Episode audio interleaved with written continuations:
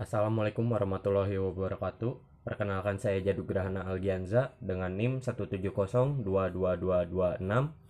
Di sini saya akan menjelaskan tentang sumber-sumber hukum Islam.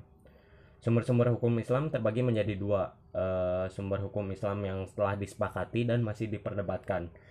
Uh, mari kita bahas dari yang pertama yaitu hukum Islam yang disepakati. Hukum Islam yang disepakati uh, ada empat yaitu yang pertama Al-Quran, Para ulama usul fikih dan lainnya sepakat menyatakan bahwa Al-Quran merupakan sumber utama hukum Islam yang diturunkan Allah dan wajib dilaksanakan.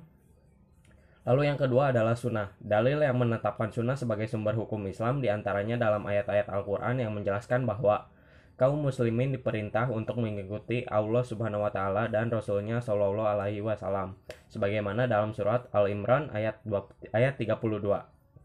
Lalu yang ketiga adalah ijma secara bahasa adalah kesepakatan atau konsensus atau juga berarti tekad atau niat. Sedangkan secara istilah adalah kesepakatan ahli fikih mujtahid pada suatu masa atas suatu hukum syariat tertentu. Lalu yang terakhir yang keempat e, yaitu kias. Kata kias berasal dari kata kasa. Ia telah mengukur ya kisu, ia senggang meng, senggang mengukur kias ukuran. Jadi kata kias itu artinya ukuran, sukutan dan timbangan. Lalu setelah kita membahas tentang sumber hukum Islam yang telah disepakati, ada pula sumber hukum Islam yang masih diperdebatkan.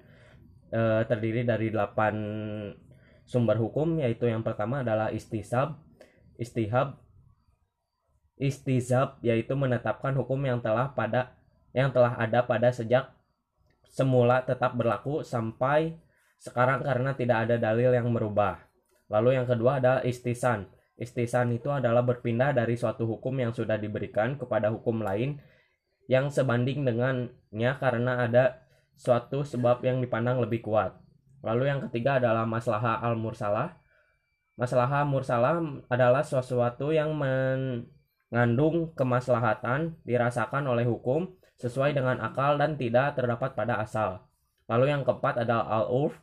Al urf adalah sesuatu yang telah di, menjadi kebiasaan dan diterima oleh tabiat yang baik serta telah dilakukan oleh penduduk sekitar Islam dengan ketentuan tidak bertentangan dengan nasyara.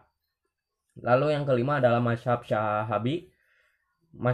Masyhab syahabi adalah pendapat-pendapat sahabat dalam masalah ijtihad.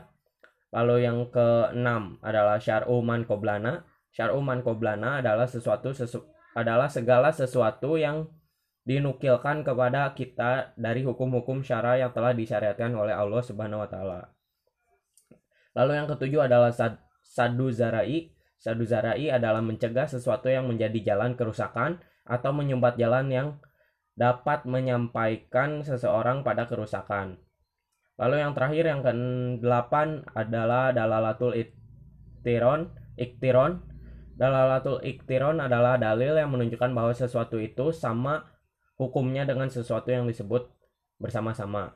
Mungkin segitu yang dapat saya sampaikan. Itu adalah sumber-sumber hukum Islam baik yang disepakati maupun masih diperdebatkan. Sekian dan terima kasih. Wassalamualaikum warahmatullahi wabarakatuh.